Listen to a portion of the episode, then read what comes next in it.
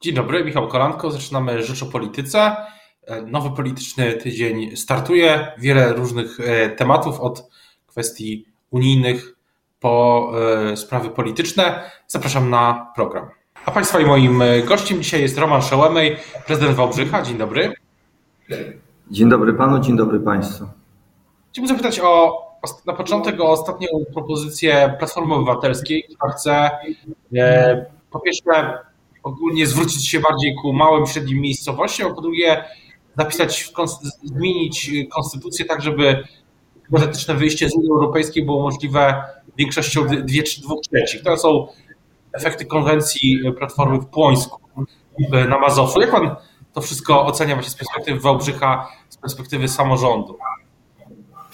To propozycje, jeśli chodzi o ten zwrot albo też powrót do małych średnich miast, małych gmin, społeczności wydaje się dla, e, dla naszego środowiska całkowicie naturalny. On e, właściwie powinien być e, akcentowany zawsze, bo przecież Platforma właściwie stamtąd się wywodzi. Fundamentem tego ruchu wiele lat temu stał się samorząd. Pewnie nadal tak jest w wielu przypadkach. Z perspektywy miasta byłego wojewódzkiego, średniego, to, to bardzo ważne stwierdzenie, ten akcent na powrót do lokalnych społeczności, powrót do realnych problemów e, e, bliskich zwykłym, tak zwanym zwykłym ludziom jest dla nas e, czymś całkowicie naturalnym. Reprezentując samorząd od 10 lat, jestem prezydentem Wałbrzycha. Mam głębokie poczucie, że państwo w ostatnich latach, państwo jako, jako, mm, jako organizm zdecydowanie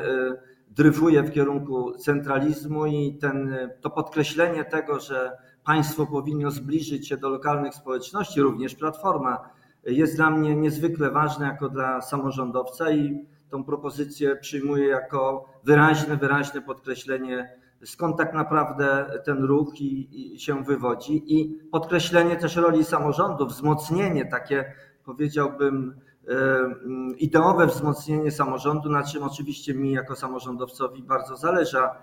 Jeśli chodzi o propozycję dotyczącą polexitu, myślę, że każdy e, obserwator realnie oceniający sytuację w polskiej rzeczywistości doskonale wie, że toczy się już e, taki powiedziałbym pełzający polexit. My e, nie musimy o tym przekonywać, no po prostu słyszymy, widzimy te starcia wewnętrzne w środowisku rządowym tak naprawdę niezwykle mocno przypominają to, co działo się w Wielkiej Brytanii wiele lat temu, u początku procesu, który doprowadził, jak się wydaje, wbrew e, intencjom pierwotnym, jednak doprowadził do Brexitu. Więc propozycja pana, e, pana premiera Donalda Tuska jest znakomitym, e, znakomitym, ofensywnym, ofensywnym pomysłem, który w moim przekonaniu powinien być podchwycony przez, przez wszystkich tych, którzy, a jest ich podobno 80%, y, którzy uważają, że wartości europejskie czy też korzyści europejskie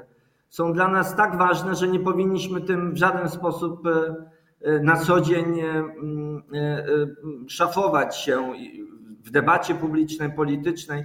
Z punktu widzenia samorządowca z regionu, który jest jednym z najbardziej proeuropejskich w naszym, w naszym państwie, w naszym kraju, oczywista propozycja y, jako dobre y, rozwiązanie tych dylematów, które, które zatrzymają ten, y, tą, tą degradację debaty na ten, na, na ten ważny problem.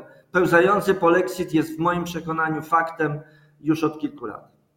Natomiast pytanie jest, jak to na przykład, wątkiem tej debaty jest też Krajowy Plan Odbudowy. I pytanie, jak z Pana perspektywy e, wygląda kwestia wstrzymania de facto tych, e, tych funduszy z Krajowego Planu Odbudowy.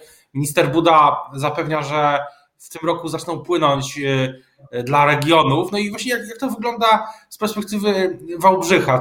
Jakie inwestycje mogły się wydarzyć, a czy są takie w ogóle inwestycje, które się mogły wydarzyć, mogły się zacząć, mogły być przyspieszone lub rozszerzone, a, ich, a tak się nie dzieje ze względu na no właśnie całe to zawirowanie.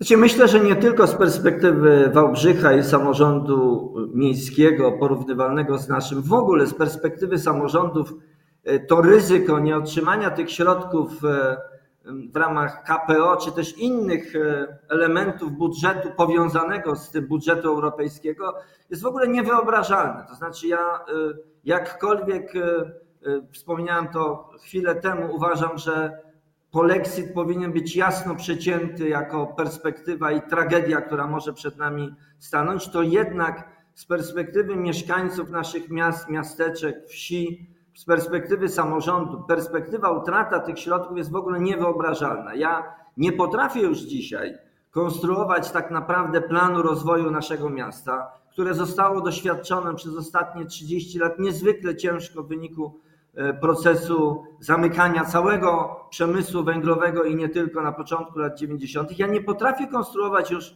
projektów czy budżetu i projektu rozwojowego bez tych środków. Dlatego też zarówno perspektywa rozwoju infrastruktury takiej miejskiej, ale również e, różnego rodzaju projekty społeczne ważne, jak mieszkania, jak, e, jak służba zdrowia, jak ważne wyzwania dotyczące klimatu.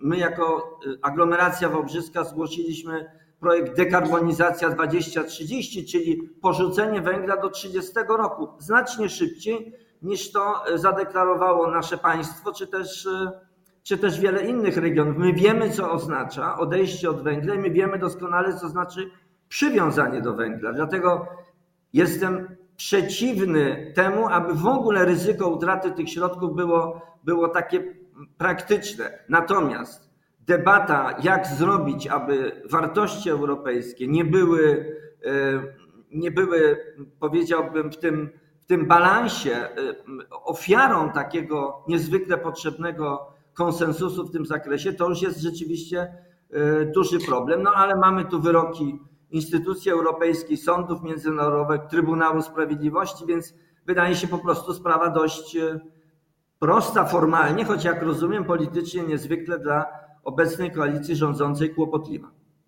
Skoro już o budżecie mowa, to czy jest pan też pytanie, jak, jak to wygląda, jeśli chodzi o Polski Ład? Bo premier Morawiecki na Dolnym Śląsku zresztą niedawno zapowiedział taką 8-miliardową dotację, subwencję dla, dla samorządów.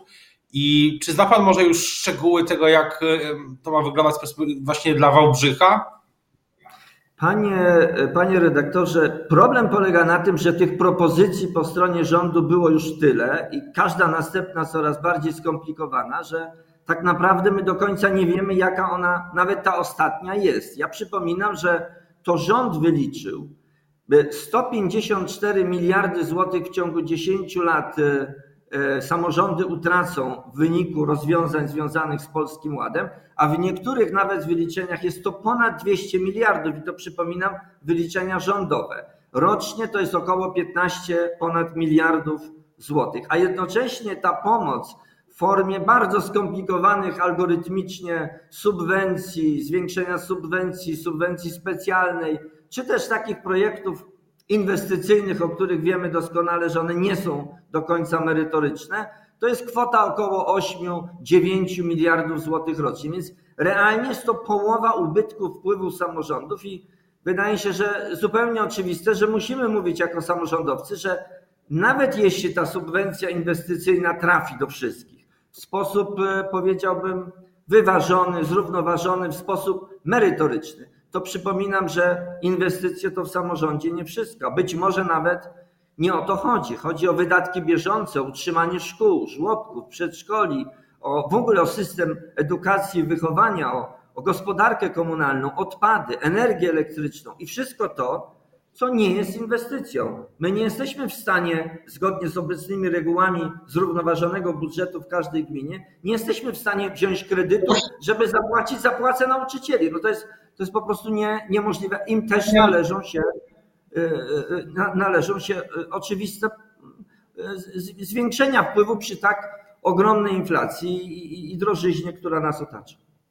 A przy, przy, przy okazji ten, przy tej, w trakcie tej prezentacji tego samorządowego polskiego ładu, jak to opowiedział, jak to mówi, mówi KPRM, też premier mówił o tych zmianach w regułach wydatkowych, w stabilizacji wydatków e, samorządów. Co, co pan na to?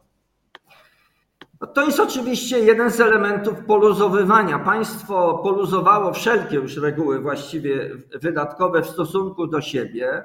wiemy doskonale, że poziom zadłużenia państwa urósł kilkaset procent w ciągu ostatnich kilku lat do, do niewyobrażalnych liczb. Wiemy doskonale, że są obiektywne tego przesłanki w wielu różnych w wielu krajach w Europie i na świecie. Mamy pandemię, mamy ewidentnie e, jakby czynnik zewnętrzny, który trochę to jednak e, usprawiedliwia. Natomiast samorządy do tej pory są w bardzo ścisłym gorsecie tej reguły wydatkowej. Wydatki bieżące muszą być e, zbilansowane wpływami bieżącymi. Te wpływy bieżące, przypominam, to w największym stopniu tak naprawdę PIT jeśli ten PIT nie będzie realnie zwiększony, nie poprzez subwencje, nie poprzez jakieś szczególne, centralnie dysponowane narzędzia, ale po prostu ustawowo zwiększony, i tu jest postulat środowiska samorządowego, również Związku Miast Polskich, Związku Unii Metropolii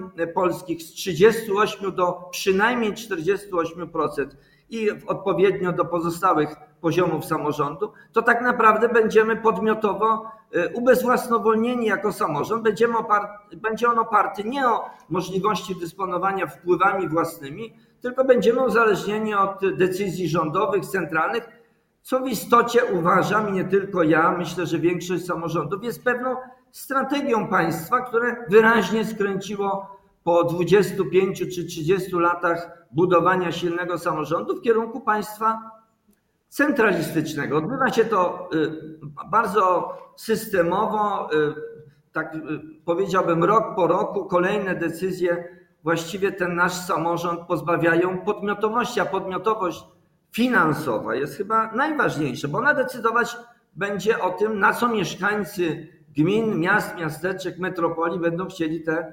pieniądze, te pieniądze wydawać. Właśnie, też jest pytanie o wracając na chwilę do tej konwencji Platformy w, w Płońsku, no też pojawił się taki wątek e, w przemówieniu premiera dotyczący odpowiedzi na pytanie, to jeszcze było w trakcie kampusu Polska przyszłości, jednego z młodych ludzi, uczestników tego kampusu, dotyczący tego, jak zatrzymać, jak sprawić, żeby młodzi ludzie też nie wyjeżdżali z małych, z mniejszych, średnich miejscowości do, do, do metropolii. I premier Tusk stwierdził w, w tym przemówieniu w Płońsku, że wtedy dobrego pytania nie udzielił, do, do, dobrej odpowiedzi nie udzielił na to, na to pytanie i w trakcie tej konwencji też próbował się do tego y, odnieść, y, wrócić. Więc jak to wygląda, jakby, jakby pan odpowiedział? Co zrobić y, z politycznego, samorządowego punktu widzenia, co robić, żeby właśnie młodzi ludzie z mniejszych, średnich miejscowości nie, nie przenosili się od razu, nie wiem, po, po w jakimś momencie do, do, do dużych miast? Znaczy, to jest wyzwanie, powiedzmy sobie szczerze, ani nie nowe, ani nie tylko polskie. To jest w ogóle trend cywilizacyjny. Paradoksalnie, pandemia być może ten proces powstrzyma, a nawet częściowo odwra, odwróci i obserwujemy pewne zjawisko, e, e, które w wielu różnych e, określeniach pada, opisywane jest, ale ogólnie mówiąc, jest jakiś powrót do wolniejszego życia, jakiś powrót do do życia na niższym być może poziomie, powiedziałbym, takiego finansowego komfortu, ale na niższym również poziomie wyzwań, stresu. My obserwujemy to w ten sposób, że w okolicy Wałbrzycha, w gminach okolicznych, Głuszycy, Jedlinie, e, e, Starych Bogaczowicach, to są takie gminy zielone położone w Sudetach wokół Wałbrzycha i w samym Wałbrzychu jest ogromny, ogromne zwiększenie atrakcyjności nieruchomości. Mieszkańcy Wrocławia, Warszawy, Poznania kupują działki, żeby budować swoje drugie domy, a może pierwsze domy. Z punktu widzenia przede wszystkim samorządowego uważamy, że jakość życia, jakość życia lokalnie może stać się rzeczywiście tym, tym argumentem wobec tych, którzy uważają, że tylko w dużych metropoliach, które oferują, doskonale o tym wiemy, bardzo wiele atrakcji. Więc mieszkanie, które chyba jest łatwiej otrzymać w tych mniejszych miejscowościach. My prowadzimy jako Wałbrzych niezwykle aktywną, ofensywną wręcz strategię budowy nowych mieszkań komunalnych. Zresztą we współpracy z Bankiem Gospodarstwa Krajowego, z innymi instytucjami mieliśmy swój udział w programie, zresztą y, pozytywny udział w programie Mieszkanie Plus, więc mieszkanie, jakość życia, niższe koszty utrzymania, natura w czasie pandemii to ma znaczenie. Y, wydaje się, że dzisiaj praca jest właściwie, właściwie wszędzie, ale te możliwości pracy zdalnej dla wielu zawodów otworzyły zupełnie nowe, nowe możliwości. Więc to zrównoważenie rozwoju województw, również na Dolnym Śląsku, regionów w ogóle, jest, jest jednym z niezwykle ważnych, ważnych elementów, ale nie ma tutaj, wydaje mi się, nie ma tu prostego rozwiązania. Jeszcze raz powtarzam, z tym mierzą się kraje o znacznie bardziej ustabilizowanym modelu rozwoju, jak Niemcy, Włochy, Francja. Ta mała Francja to już jest historia. Y, y, może najbardziej udaje się to tak naprawdę, naprawdę w Niemczech, ale i oni mają ogromne wyzwania. Natomiast y, uważa pan, że mm, politycznie to jest. Bo, bo też wydaje się, że premier Tusk w tym swoim wystąpieniu też próbował czy zarysować kilka rozwiązań czy pomysłów dotyczących właśnie tego kierunku, przynajmniej zrównoważonego rozwoju. Myśli pan, że to jest politycznie dla Platformy, e, dla środowiska całego Platformy, całej Koalicji Obywatelskiej dobry, dobry kierunek, żeby i czy, czy jest w tym Platforma wiarygodna? No oczywiście, że jest e, wiarygodny i oczywiście, że on jest ważny. No my obserwujemy w tej chwili ewidentne cechy centralizacji państwa, jeśli chodzi o instytucje państwowe, jeśli chodzi o instytucje E, e, agencje wszelkiego rodzaju, więc nie ma żadnych wątpliwości, że systemowo państwo ulega centralizacji. To nie jest kwestia tylko siedzib urzędów, ale to jest również kwestia, gdzie powstają realne decyzje. Te decyzje powstają przede wszystkim w Warszawie, powstają w ośrodkach decyzyjnych, ważnych, tam zlokalizowanych i ranga samorządu, nawet wojewódzkiego, systematycznie maleje. Jesteśmy temu przeciwni, to Polska była jednym z pierwszych, a być może jednym z niewielu, może nawet jedynym krajem w Unii Europejskiej, który tak mocno postawił na dystrybucję środków w ramach programów operacyjnych e, na poziomie samorządu wojewódzkiego. Opieramy się również o tą sprawdzoną koncepcję. Jesteśmy za tym, żeby tak właśnie było i żeby dalej coraz niżej do niższych samorządów tą decyzyjność przenosić. Uważam, że to jest absolutnie ważny kierunek tym bardziej, że on dotyczy nie tylko y, środków unijnych, nie tylko administracji, ale również takich elementów jak y, choćby służba zdrowia, która, która na naszych oczach tak naprawdę jest centralizowana, albo przynajmniej wiele na to wskazuje i, i rzeczywiście musi mierzyć się z ogromnymi wyzwaniami. No właśnie, pytanie teraz y, nie sposób nie zadać pytania o to, co wydarzyło się w ostatnich dniach. E, czy, czy, pan traktuje to, że stracił pan funkcję, e, pracę w, w Wawrzyskim Szpitalu jako działanie polityczne ze strony PiS? Znaczy, tak naprawdę to, czy szpital po 36 latach e, podziękował mi za pracę, ja przez ostatnich 10 lat na tyle, na ile mogłem, starałem się kontynuować chyba najważniejszą moją pasję życiową i powołanie, jakim jest praca lekarza. Wydawa, wydaje się, że udawało nam się w zespole bardzo wiele osiągnąć, tysiące pacjentów. Podziękowano mi w sposób, e, no powiedziałbym, bezprecedensowy. Muszę to jakoś, e, jakoś przeżyć. Oczywiście będę, będę e, toczył swoją, czy będę prowadził swoją sprawę w sądzie, ale nie to jest w istocie najważniejsze. Mam nieodparte wrażenie, że to ma, to ma znaczenie tego, tego w istocie lokalnego wydarzenia jest trochę szersze. Chodzi o to, że służba zdrowia jest w katastrofalnym stanie, również na Dolnym Śląsku. Jest w katastrofalnym stanie z wielu powodów, z wielu zaniedbań. Y, I lokalne władze y, samorządowe, mówię o samorządzie wojewódzkim i w ogóle środowisko i rząd nie ma realnego planu, jak sprostać tym wyzwaniom. Mamy ewidentnie, a wiem coś o tym, bo uczestniczyłem od lutego w tym programie, mamy ewidentnie zadyszkę, żeby nie powiedzieć po prostu porażkę w Narodowym Programie Szczepień, bo ledwie przekroczyliśmy 50%, o czym ja mówiłem już w maju, y, sygnalizując inicjatywy różne. Nie ma projektu, jak, y, jak y, zacieśnić ten system, nie ma programu aktywnego, programu promującego szczepienia. No i mamy miasteczko białe w Warszawie. Mamy ogromne problemy z zapewnieniem ciągłości pracy w wielu szpitalach w Polsce. Ja przywołuję opinię wielu moich kolegów, doświadczonych dyrektorów, którzy, tak jak w Krakowie dyrektor szpitala określił, że zawsze było ciężko w służbie zdrowia. Ja to podkreślam, ale dziś osiągnęliśmy absolutne, absolutną zapaść, dno, więc y, y, tutaj chodzi o raczej systemowe rozwiązania, co zrobić, żeby żeby nie doszło do prawdziwej katastrofy, która zresztą na naszych oczach się rozgrywa, więc sprawa indywidualna, ważna i ona ma oczywiście kontekst, jak się wydaje, niemerytoryczny, ale ja nie chciałbym go jakoś specjalnie eksploatować. Uważam, że większym wyzwaniem jest to, jak ta służba zdrowia w ogóle funkcjonuje, a funkcjonuje źle. No chyba nie ma nikt co do tego wątpliwości już. Na koniec tylko jeszcze pytanie krótkie, dlaczego zdecydował się Pan kandydować na, na szefa Dolnośląskiej Platformy, wejść głębiej politykę? A to jest dla mnie rzeczywiście sprawa w tej chwili absolutnie drugorzędna. Skupiam się na pracy w szpitalu, może w samorządzie, w szpitalu niestety już nie. Niemniej muszę powiedzieć, że to tak naprawdę chęć e, uzyskania pewnej synergii pomiędzy samorządem, w którym bardzo aktywnie działam na Dolnym Śląsku i, i środowiskiem Platformy, której jestem członkiem również od wielu lat szeregowym, e, spowodowała, że te wszystkie e,